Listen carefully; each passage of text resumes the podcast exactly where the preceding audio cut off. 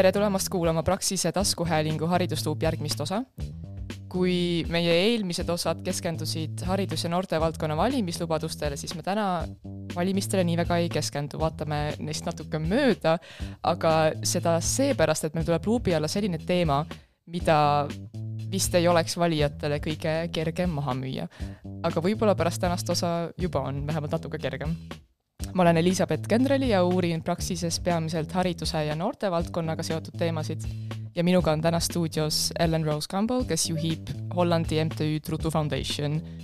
Ellen ja Rutu töötavad selle nimel, et ka rändetaustaga lapsed ja noored saaksid sellist haridust, kus nende identiteet ja emakeel on toetatud. ja sellepärast on meil täna haridustuubi all õpilaste kõigi keelte väärtustamine ja mõned sellised märksõnad nagu äh, mida tähendab monolingvistiline norm, millised selle tagajärjed on ja kuidas seda murda. me jätkame aga inglise keeles. Ellen, welcome to Haridusloop. What did you think of the Estonian intro? What did it sound like to you? Thank you, Elizabeth. Thank you for having me. Um, I could only remember, I could only uh, recognize my name and Rutu Foundation. Yeah, I didn't expect too, too much from from that. Uh, could you tell us a few words about yourself? I already explained that you lead and founded Rutu Foundation, but but who you are, what do you work for, what do you believe in?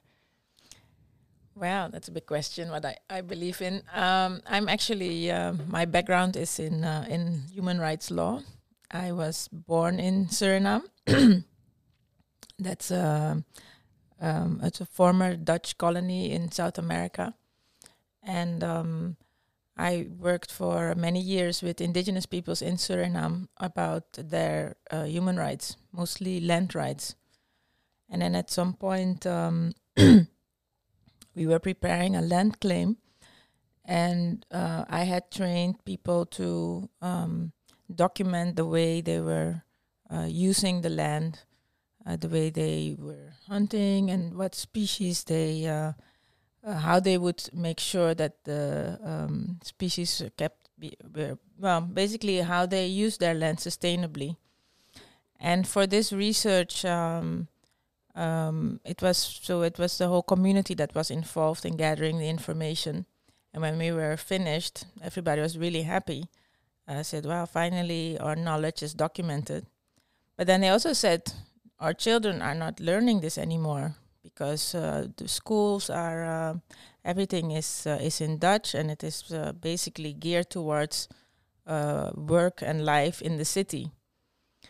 So this is uh, what got me thinking about education, and um, I happened to visit another country in Central America, Belize, where I came across a, a school that was set up by uh, Maya people themselves.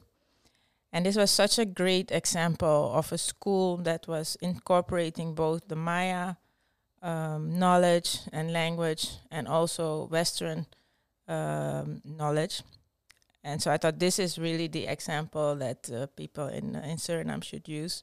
And this is uh, how the journey started, which uh, eventually uh, led to my starting the Rutu Foundation for Intercultural Multilingual Education. And Rutu, you started in the Netherlands, right? Well, it the idea was uh, was was was born in Suriname, mm-hmm. but I lived in the Netherlands uh, where I did my uh, my studies, and um, so it was established in the Netherlands. But it was originally focused on uh, well, basically helping um, communities. Uh, originally, the uh, intention was to help indigenous communities to um, integrate their languages into existing school systems. And we had started in Suriname with a project with uh, bilingual uh, math. Uh, um, we developed a, a bilingual math book together with the teachers uh, that was uh, that incorporated their their languages, but also images that the children could um, recognize. And we discovered that this was actually there was a lot of uh, demand for such um, culturally relevant um, bilingual learning methods. So this is what was originally the idea of the Rutu Foundation. Okay. But when you started this in, in Suriname and all the activities that you described now that like using or, or creating materials that are relevant to the children's cultures there, when you also transferred or expanded your activities to the Netherlands, was it was something very different then or was it yeah, yeah so like? yes, this was a very unexpected uh, turn because what ha actually happened was that we we discovered that uh, we developed these materials and the kids really loved it. Suddenly, math had become fun again. They really looked forward to doing math. The teachers were having fun, but at the same time, we noticed when there were new teachers coming in, they had a very negative attitude towards the children's language and their culture and we realized you know even if you if you have great materials if these teachers still have this negative attitude it's not really going to change anything so then we decided okay we need to train the teachers then and have a discussion around uh, basically in suriname it was a discussion about colonization about racism about internalized racism because uh, suriname is a melting pot is what they always mm-hmm. say about different uh, ethnic uh, uh, backgrounds, but there's also a lot of racism going on, and it's never talked about. And all these teachers who came from all these different backgrounds, when we started the conversation, you know, we asked them, well, what have you experienced? They could all, they have a lot of examples also in, in school and also during their teacher training, how they were being singled out mm-hmm. or ridiculed. And so it was then easy for us to say, okay, well, if that is how you were, how you felt, do you want your uh, pupils now? Do they want them to feel the same way? And of course, they were like, no. So I said, well, we said, can you then now uh, develop a lesson that is uh, that includes them all? And so we gave this training, and it was very successful. The teachers were able to, you know, they made a real switch in their in their teaching. And then uh, in the Netherlands, uh, two things happened. One, there was a discussion about um, um, Black Pete. I don't know if you're familiar yeah, with it. Yeah, yeah. Um, uh, the depiction. Um, it was a, a, a, it's a children's party, sort of a Santa Claus party, uh, with a very stereotypical racist yeah. image of uh, a black person as the helper of Santa Claus. But also, what happened uh, was that there was this big influx of uh, Syrian refugees and this was actually going on, uh, of course, in all of Europe. So time-wise, you're talking so time-wise, I'm now 16. yeah, yeah. And this is when you started working on on language-friendly schools in in the Netherlands as well. No, this was uh, when we first uh, decided. Uh, well, maybe there is something we can do here as well. Okay. And um, and then uh, we got involved with a European network, um, SIRIUS network on um, uh, migrant education. And the, the idea we had in Suriname to develop this bilingual math book with adaptable pictures, basically we took that to a European mm-hmm. uh, context and we developed materials. Uh, this, although this was a lot bigger, not just a math book, but also storybook and um, but we adapted basically the the book we developed in Suriname to a European context. So we changed the pictures, and of mm-hmm. course the languages was translated in different languages. And um, and from there we started as the Rutu Foundation focusing on migrant uh, um, students in Europe. So we expanded our uh, our activities and our um, uh, view. Um, so this was yeah around uh, 2015, mm-hmm. 16. Then we went back to Suriname with a colleague of mine, uh, Emmanuelle Pichon, who's a professor. At the time, she was teaching in uh, in the Netherlands, but now she was in um, she's in uh, University of Toronto. And uh, we were going around in Suriname to different um, schools, and we noticed two things. One was that everywhere, each school has a different language policy or language situation, I should say. Mm-hmm. There were schools where, for instance, all the kids would speak language X, but education was all in a different language, in Dutch. But there were also schools where children, uh, maybe half of the children were speaking one language and the rest were speaking other languages. Right. Or schools where they were all, every where a lot of different languages spoken. So we were thinking, how can we develop a concept that would uh, work for all these different uh, situations? So that is one thing that we uh, noticed in Suriname, uh, and then uh, the other thing is that we noticed that also everywhere there were these individual teachers who were already doing really wonderful things with all the to include all the languages. So that's what when we were thinking, well, can we find a way that we connect these teachers mm-hmm. who said, you know, they felt like it maybe was not lawful what they were doing, they were insecure about whether, yeah, they should be doing it or not and we wanted to really uh, give them and empower them like no this is actually this is evidence based what you're doing right. this is what we know it works best for uh, multilingual children so in suriname actually it wasn't that much about convincing teachers to include it in their practice to start embracing and valuing all students all languages but it was rather giving them this confirmation or or, or well, some teachers, and it's it's the true it's it's the case everywhere. Actually, we found out that everywhere in the world, um, there are teachers who are already doing things with the home languages mm-hmm. of the children, um, but a lot of teachers don't. So it was more about um, empowering those teachers that are doing uh, the right thing, and from then on, trying to um, yeah convince the rest that this is uh, the way to go. So just to clarify some terms, we're talking about migrant students, home languages, first languages, mother tongues. Do you, do you think it matters which term we use for this? Are there any, or does any of them have any connotations that are maybe not so useful for migrant students? Because I sometimes feel that maybe home languages gives this idea that it's something that's supposed to be limited to the home context. Yeah, these are big, uh, big discussions. Um, and academics have written lots of papers about all these different terms. Um, and each term, yeah, has a problem. Mm-hmm. Like mother tongue, it's like uh, some people find it sexist, some people find uh, uh, it's outdated, and mm-hmm. it's not just the, the, language that the mothers speak.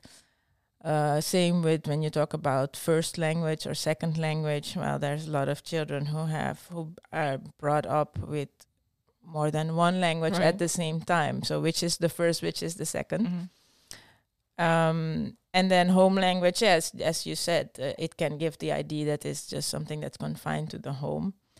At the moment, uh, I mean, um, I mean, I have a I have a legal background, so I should be really focused on definitions. but uh, I I am also very practical, and I I just want to get on with it um, and not get lost into all these uh, definitions. At the moment, uh, home languages seems the most, at least the term that um, people immediately have an idea of what you're talking about, even though it's not ideal because uh, it should basically just be languages. Mm. Um, but we need to have some idea what we're talking about. Right. Another term that's uh, that comes in in the Estonian context. A lot of times we talk about the languages that are not the language of instruction, which is Estonian in Estonian schools.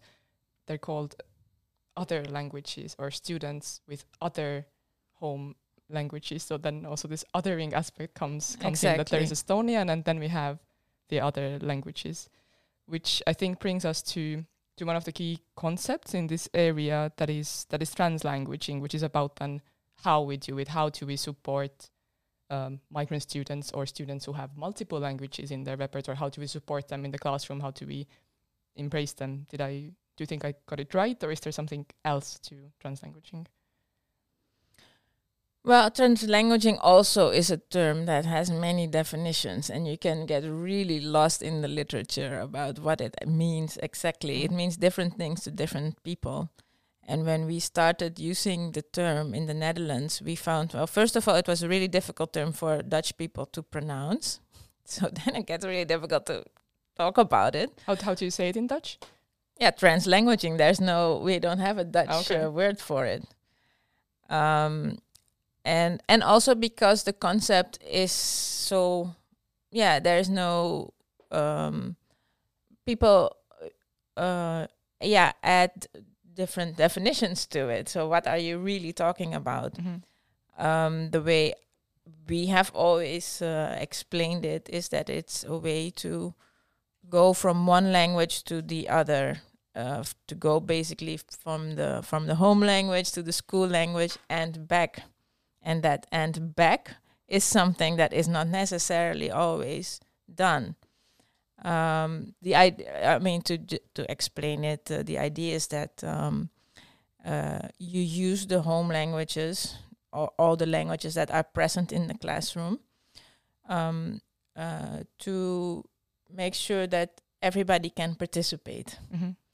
so that no child is excluded from the learning process and i think that is that is the key. That is really what it's all about. It's about participation. It's about inclusion. And um, for a long time um, it was believed that children would learn best if they were only exposed to one language at the same time. Yeah. but if there were more than uh, if there were more languages they would get confused and they would never learn uh, that uh, either of the languages properly so now we've known for quite some time now that that isn't true. It is not about uh, the quantity, uh, but about the quality. What do you do with the languages? And um, um, the idea of, of, and then of course we had a long time about bilingual ed- education, but also that was the idea to have them strictly separated. Mm-hmm. So you have uh, either in time or in space, you either have uh, in this particular classroom, we only do this language, and in that lang- classroom, we only do the other language. Or we only do language one in the morning Mm-hmm. and language two in the afternoon, or depending uh, or attached to one of the teachers that with this teacher you only speak language X and with the other teacher Right. So this is the language immersion approach that until now has been very big in Estonia, or, or that's something that has been thought of as as bringing success and, and inclusion and integration of uh, of migrant students or students from different ethnic backgrounds. to have the languages separated. To have them separated in the sense that that you do the language immersion so that maybe there is one subject, one language, or one teacher, one language, but not really that you that you encourage the students to benefit from all their languages all the time and use them freely inside one classroom or, or in one task. Right. Yeah. So in in that sense, you uh, you you create these monolingual uh, situations, um, and well, what uh, what we know from the research is that um, uh, well, first of all, children learn best when they are when they feel comfortable and at home, and um, we also know that um, children learn best if you start from what they already know, so you can build on that, and that I think is a very um, powerful, strong argument for using the home languages because that's where there are a lot of um, uh, knowledge is already um, built in. So it's about um, have getting the children to express themselves, to to get the knowledge that they have and express it. And it shouldn't really matter, but you can organize that in which language they then express themselves. Um, and so when it's very strictly separated, that you can only speak one language, it for some children it can become very uh, stifling, and they won't say anything. Um, and then what happens is that then teacher get the idea that they might not be um, so intelligent, Mhm. so, or so they lo- interested or engaged. Yes, so they lower their expectations, and in the end, the children really do learn less, and uh, and that is something that you want to avoid. So that's something that Translanguaging really tries to break or goes against this monolingual norm in our schools and in our systems because I feel like it is a lot of times thought of as very radical in a good way because it really goes against a lot of what what teachers are practicing in different European countries and what the sys- or how the systems are are built. So that's why it's why it feels disruptive to a lot of education systems. Well, um, I- guess there's there's in several ways it can be seen as uh, as radical. in the sense that uh, not just um, that it it it it takes away all these strict uh, these these barriers. So um, um, you basically uh, uh, allow for a much more natural way of using languages, of expressing yourself. Um, people who are multilingual, they know, like when they're at home, that they mix the languages all the time. And for a long time, as I said, this was thought of that it's bad. You won't be able to to to learn language uh, perfectly. But then, of course, the whole concept of being able to um, to to uh, have perfect command of a language is uh, well not possible. Nobody is able to uh, to to um, know a language perfectly. But um, what what is also radical about it is which languages are allowed at all. That, for instance, uh, in the Netherlands, where uh, where where I'm from, um, there is bilingual programs allowed, but only in English and Dutch, Mhm. or in German and Dutch, or French and Dutch. There's no programs with Turkish and Dutch or or Arabic and Dutch. And so in the in a in a classroom, in fact, we we don't really use the word languaging translanguaging very much because it's confusing and it's uh, difficult to pronounce. We have invented this word of of, of or using language friendly Right.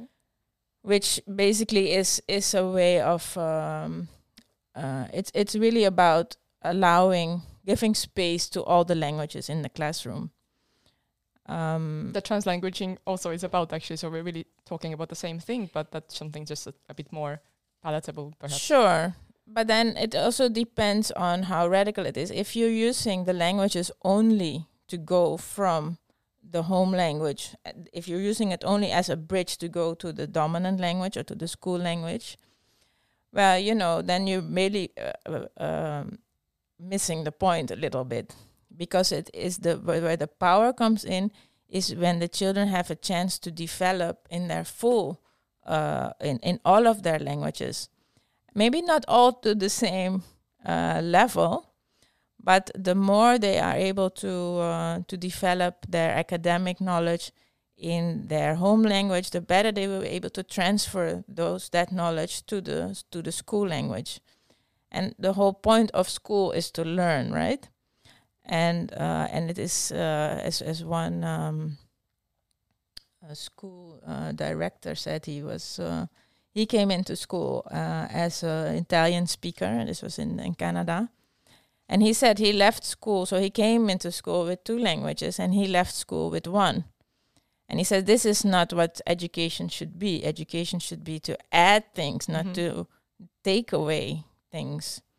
So, f- you know, if you're using trans languages only as a bridge and not going back to the other language, so it really should be going back and forth between between the two to really um, add things to children's uh, education. Yeah, and I feel that translanguaging and being language friendly is also a lot about social justice in the sense that we are not only concerned about really maximizing children's learning, but it's also giving a lot of power back to the students because they might have a lot of knowledge and they might have well ideas, but if they can't express them because there is a monolingual norm in the classroom or in the system, then then they are very powerless. Well, so and this is uh, indeed why we we started the language friendly school. It's uh, again we um, the idea was born in uh, in Suriname. Um, So Language Friendly School is an initiative of the Rutu Foundation Yes. that you that you lead. Yeah. Yeah, it's uh, it's a it's a quality label that uh, that we are giving out to schools that welcome and value all the languages of their students. And uh, we started it in 2019 with uh, two schools in, in, in Amsterdam, in the Netherlands, who wanted to um, uh, do this pilot with us uh, about including all the languages. And uh, right now we have um, I think 27 schools. And all around Europe in different countries.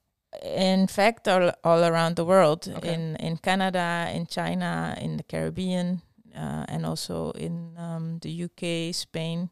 Most of the schools are in the Netherlands, and since two weeks, we also now have a language-friendly school in Suriname. Mm. So the idea is really to have it uh, to to create a global network of schools, because of course uh, this, the children who are in the classrooms in Europe or in Canada or also in Suriname, they are from all over the world. So it is really about uh, creating an um, inclusive um, uh, uh, learning environment. That is that is really what what the language friendly school uh, is about, and what we don't want is to to tell schools how they have to do it. So we we keep it um, uh, very open. It the idea is really it it any school anywhere in the world could apply to become a language friendly school.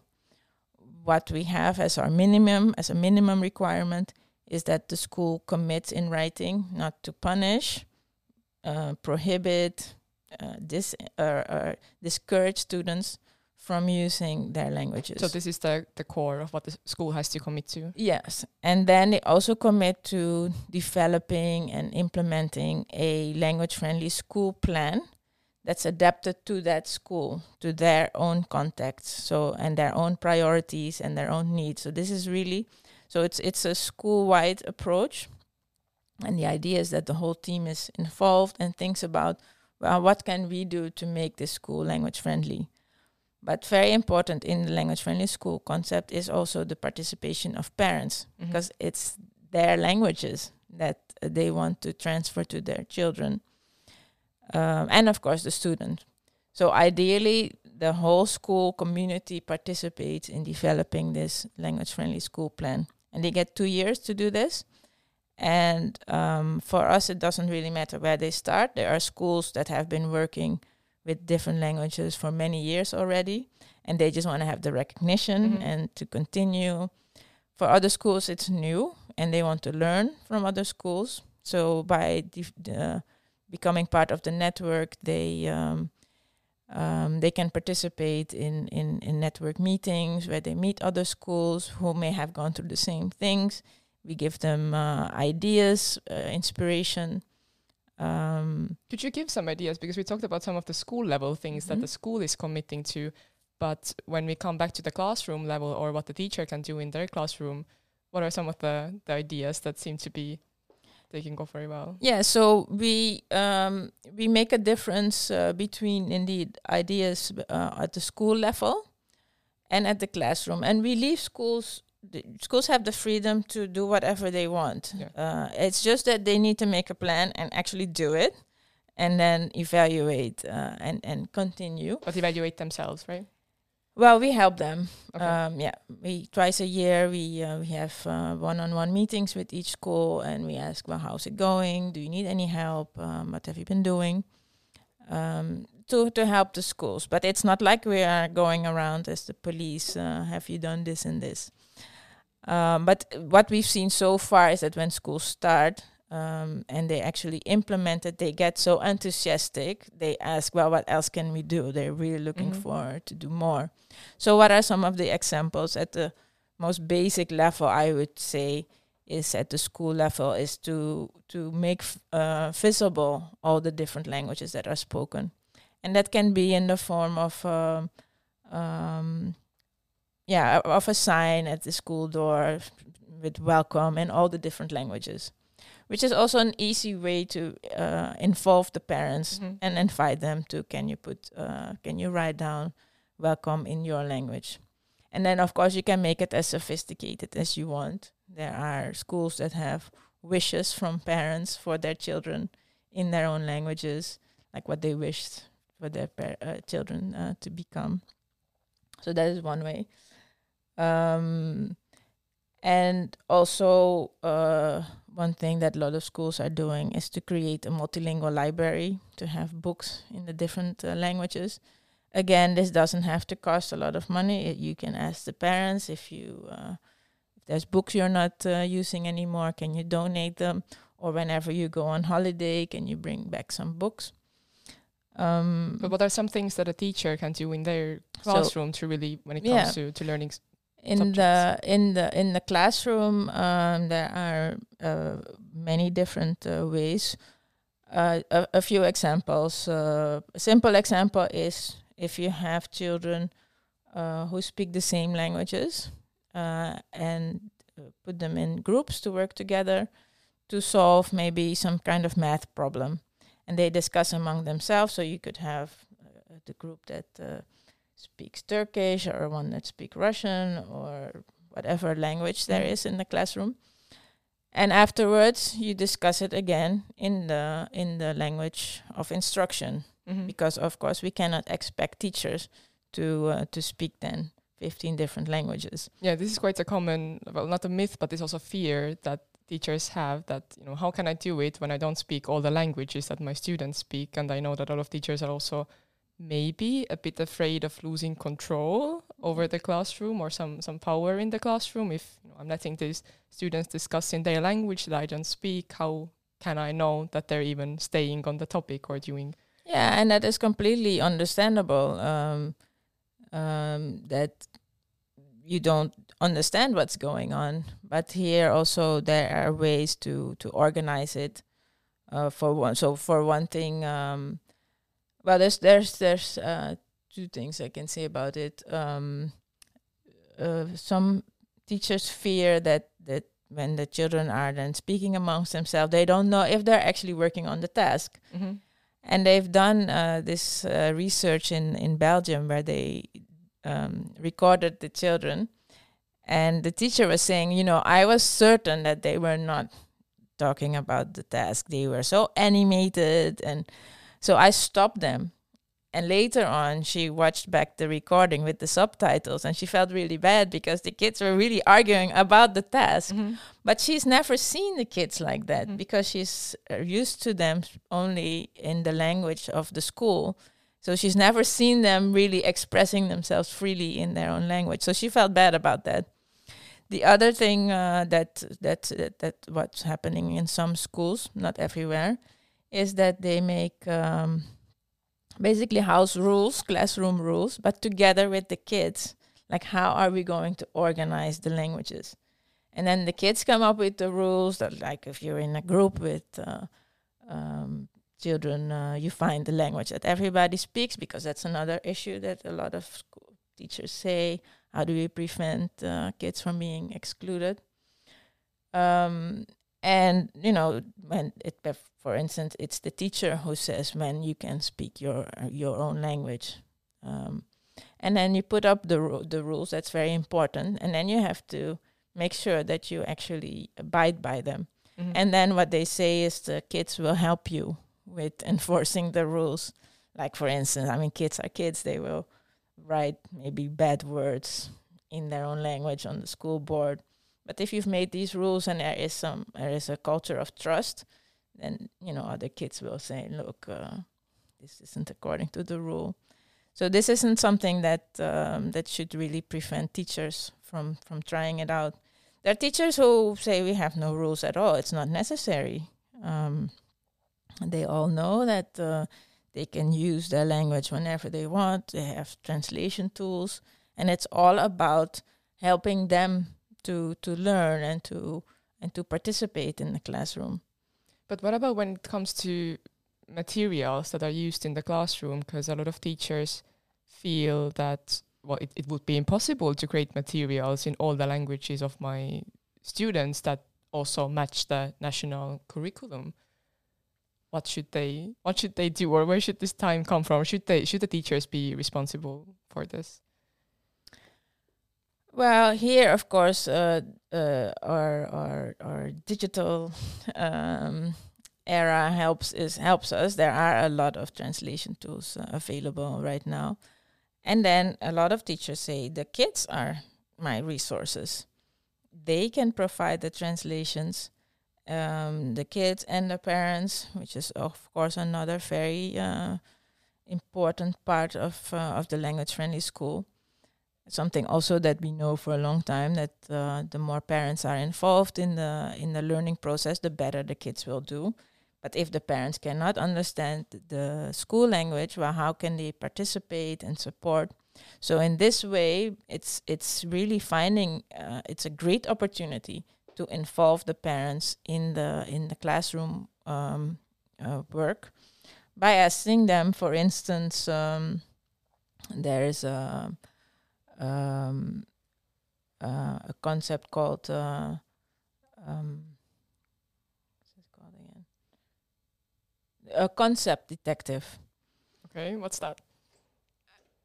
Actually, it's very simple. The idea is that you make a, a list of the keywords around a certain topic.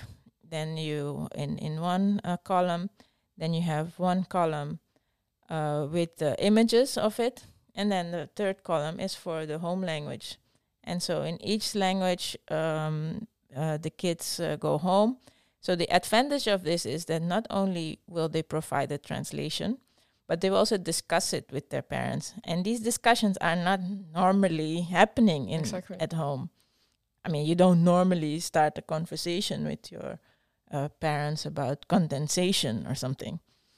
Um, and um, so, and then they get a lot more words. Uh, they learn a lot more.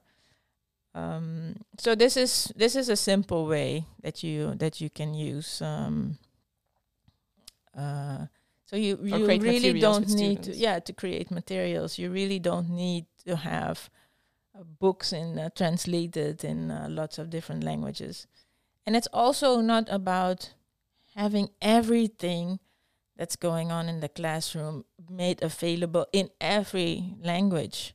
It's really what can you do? Where can you find the spaces? Mhm. What would you say to these teachers or school leaders who feel that maybe then the majority ethnic students feel left behind or that they need to take things slower? This is something that comes up in Estonia a lot when we talk about multilingualism in the classroom and inclusive education. Also, actually, not only languages but also special needs. Well, here again, uh, I I think um, well, well, two things. It's it is about the, the quality and not the quantity. So it is not about you know constantly uh, switching back and forth between uh, all the languages. Uh, you do what you can do, but also um, let's say the monolingual majority uh, kids have an extremely valuable opportunity to expand their own learning. Um, there is a school in um, in Ireland where they have been working with this for a long time, and they've done a lot of uh, research uh, around uh, around translanguaging in the classroom. And they introduced a po- an open language policy, basically what they called it, and um, where they asked uh, all the children to also do their homework, part of their homework in their home language. Even when the home languages weren't written, the parents were obliged to do this. And they said, We don't care how you do it, if you just write it phonetically, of however you want to do it, we, we're not going to check, we won't be able to check. But what happens is that the, and the idea is really to show that um, all languages are, have the same value. So, uh, uh, and also to see the written form of it. So what happens in the classroom is that the kids start comparing the different languages. They Mhm. see, hey, this is how you write it. Oh, that looks like what I'm doing. And they were explaining that the um, the Irish uh, kids started to feel a bit left out. So one of the kids was asked her older uh, brother, who was taking Spanish, to uh, to also do some to teach her Spanish, so she could also have another language.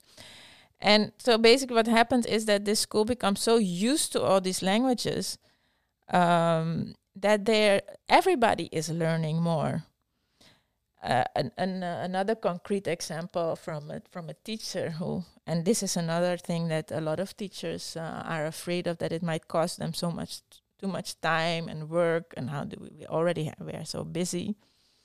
And this teacher said, "Well, I have to thank you for bringing this uh, into my uh, practice." She says because it's made my um, teaching actually a lot easier. Because she says my children now know that whenever I start a new theme, I'm going to ask them, how is it in your language? And so when they know I'm going to start a new theme, they are sitting there all prepared. They can't wait to share their knowledge. And uh, so she says, what what was what used to be like a really boring grammar lesson about how to make, uh, um, or or uh, about learning to to uh, read the time or something like this, has now become a really interesting dialogue. And uh, and I mean the discussion takes place in the school language in in Dutch but the kids bringing all these different uh, all these different notions of of timekeeping and which you would never have if you would only do it in one language in one culture so there's a really enormous uh, benefit to to everybody not just then the majority uh, kids but also the teachers themselves who are expanding their learning in ways they never imagined and there's actually a benefit also to then acquiring the language of instruction because I think a lot of people think that if we allow students to use different languages in the classroom, then well, how will they integrate? How will they learn the the um, yeah the language of instruction? But actually, we know from research that that if you support the languages a student already have, then it also helps with uh, learning new languages.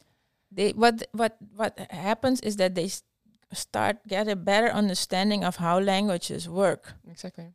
And so this is a benefit for monolingual majority speakers that they also now start to understand how languages work and differ from each other, and which will help them in learning other languages. So we talked quite a bit about what can schools do and what can teachers do in the classroom.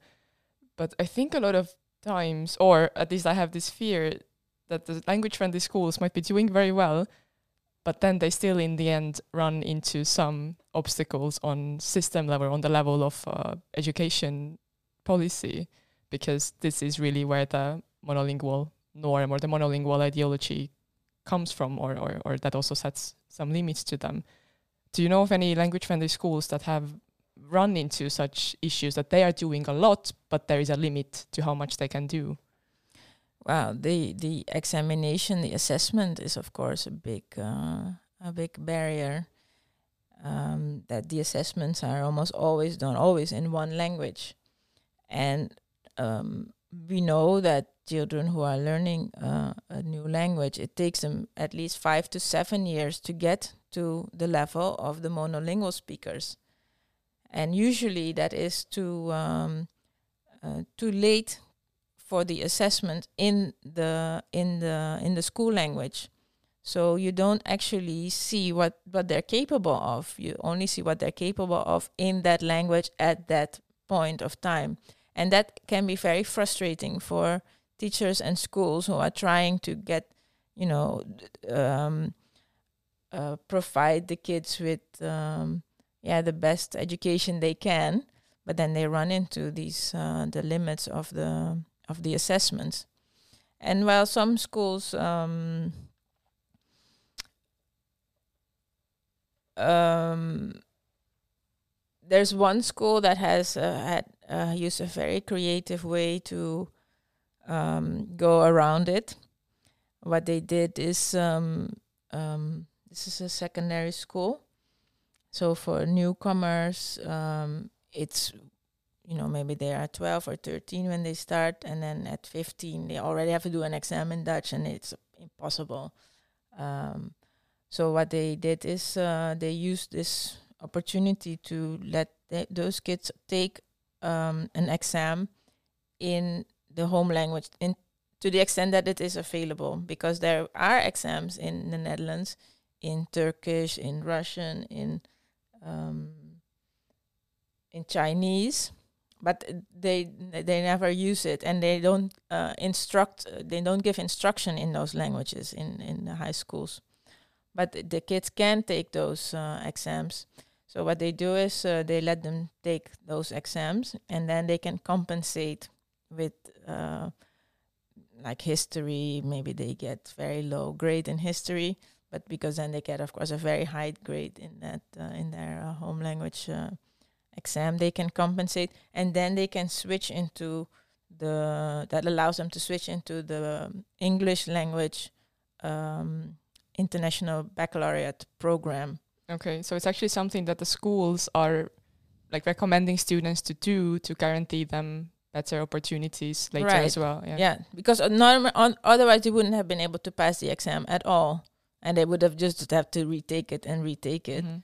and you know uh, i mean eventually they might get there but it would it's uh, unnecessary uh, to to uh, have all this delay I can imagine that besides really legal obstacles or obstacles from the yeah, education policy, there's also well these monolingual attitudes and ideologies they they are also in people's heads in the society and that's something that also language transit schools probably need to or encounter in their work. For example, in Estonia, just this week we had the Estonian Mother Tongue Day, 14th of March. It's a very important day, always celebrated with events all around Estonian language, Estonian poetry, Estonian literature, spelling competitions in Estonian. And then this year, something very um, surprising happened because Statistics Estonia, that is, it's a governmental agency, their Estonian Mother Tongue Day greeting wasn't about like, yay, happy Estonian Mother Tongue Day, but they posted on their channels, happy Estonian Mother Tongue Day, that there and, and added that there are 243 mother tongues spoken in Estonia. And I was very surprised. That is very radical in the Estonian context.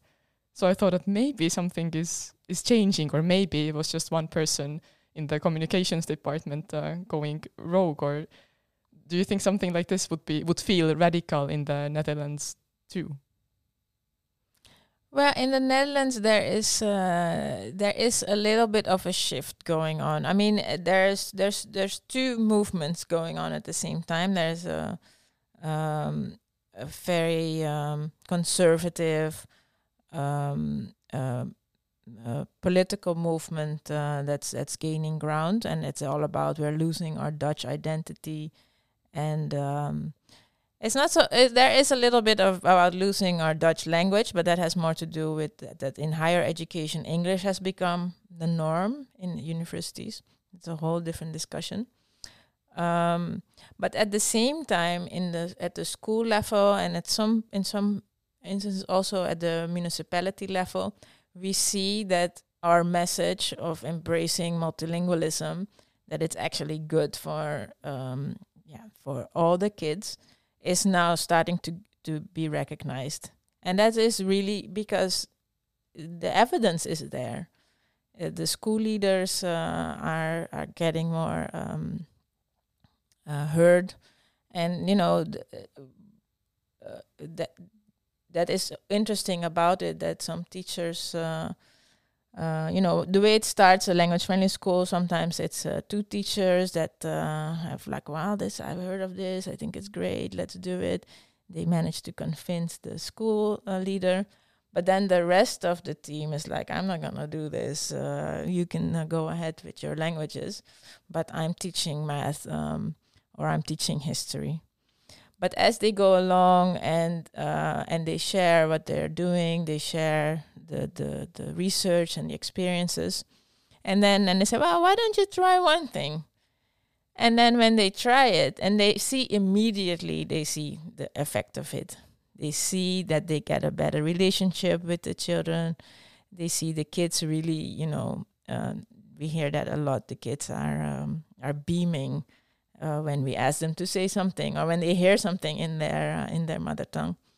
So they immediately see the effect of it, and that is now, um, I think in February, the municipality of um, Amsterdam has officially adopted a policy to um, encourage schools basically to become language friendly, to embrace multilingualism, which is really a Wow. big deal. Yeah, That's a massive win for you. Yes, we're very uh, very happy. It took a long time, um, but it's it it is really because of uh, because of the schools, and you can't argue when schools can show not just that indeed the kids are are happier, more motivated, the parents are more involved, the teachers are enthusiastic, but you also see better results. And they have done the research where they compared what uh, the uh, what this language friendly school was doing with control schools who were not doing it, and they could see that the um, like they, they did research on vocabulary, Dutch vocabulary was significantly improved compared to the control schools, and also math. Um, so the evidence is there, and it uh, and then it becomes just you know. Um, and that is of course the hardest thing. People will believe uh, only when it matches with their feelings. Right. But this actually gives me some hope too, because considering the Estonian context now, where we are on the verge of the largest or the most significant education reform of the past 30 years, where, be, where our schools are being transitioned to fully Estonian language teaching from starting from, from next academic year and then, then slowly transitioning to, to fully Estonian language teaching in, in all uh, grades, which is a context that doesn't feel, or climate that doesn't really feel too language friendly. And I, I just wanted to say that, well, yeah, great that it's working in, in Amsterdam, but but it sounds like an impossible mission here in Estonia now. But you saying that you've had similar uh, notions or, or similar voices in your uh, political sphere, then perhaps it's not that impossible in Estonia too if the schools give it a try and start from the grassroots level and see that it works. Well, but but that's the thing. We are not saying that you have to change your whole policy. You just find the space within your school that works for you. And uh, in the Netherlands, all schools were Dutch only schools, are Dutch only schools. There is no instruction, yeah, except for those few who give bilingual uh, Dutch and, and English. Um, but within those schools, they are uh, um, working with the different languages, but Dutch is still the um, the main framework, which is fine. It's um, and well to to, to give another uh, to give another example. Um, I mean of of how what people think in in the Netherlands that um, if we're gonna start speaking other languages, then the, the, the parents from migrant backgrounds they'll never learn Dutch because yeah. they won't have an incentive oh, to very learn familiar. Dutch. Right. So we um, remember the bilingual math uh, book that we made in Suriname, and then we trans uh, tr um, translated it to the European context. We piloted that in this particular school with Dutch and Turkish, and they brought in this uh, a, a translator for uh, one of the parents uh, who had been in in the Netherlands for 20 years and never learned Dutch. And when we spoke to her during this project, it appeared that she had come to the Netherlands when she was 14, had very little, uh, and then got married, had children, and then took her children to this particular school, who at the time had a Dutch only policy. You were not allowed to speak anything else in the school but Dutch. So this parent didn't go to the school because she couldn't speak Dutch. So she never went to the school. And then um, she had uh, her children had children, and now she was taking, she was participating in this project with her grandchild who went to the same school. But now the school had changed their policy, so they were now language friendly school. Of course, the parent didn't know that because how would she know? But through this, because they brought in a translator, they explained it, and then she helped her grandchild with the bilingual uh, math uh, games. It's what they were, and she enjoyed it so much. And the teachers said, "Well, for the first time, we see this woman. Uh, we've never seen uh, never seen her before." And uh, she got into contact with other parents, and to our big surprise, at the end of the project, she's uh, we were told that she was taking Dutch lessons now. So it's completely opposite than what uh, what most people thought. Exactly. Uh, it's really the message of inclusion is what will make people feel like let me try and do my best to to to integrate. So to wrap it up, we've learned that it's not necessarily in the state level education policy that we need to start creating materials uh, in all languages or or or yeah really create a very different framework that it there's a lot of changes that can happen also on a school level and that schools can still navigate inside a wider system. But I just wanted to give you this opportunity to to put it out there that so what type of uh, an education system do you dream of that would make it language friendly and that would make everyone feel included? What would that be, put simply? I, I already have those examples of some of our language friendly schools that I mean again it can take some time it doesn't happen overnight to get the whole team uh, involved but they are they there are schools like that where uh, the kids feel completely part of the it's their school. Uh, there are kids that are uh, language ambassadors. They so when new parents come speaking a new language they take them around the school. Everywhere in the school you see many different languages. But the language of instruction is still Dutch or English or whatever it is that the, that the school has chosen. But it's a very inclusive environment great thank you Ellen Rose for coming and joining us I hope Estonian school leaders, teachers, maybe policymakers got some ideas and that it doesn't feel that uh, daunting of a task anymore to be more language friendly even in in our climate that might sound at first not too language friendly. Thank you. Thank you. And uh, we are waiting for the first uh, Estonian language friendly school. So schools sign up.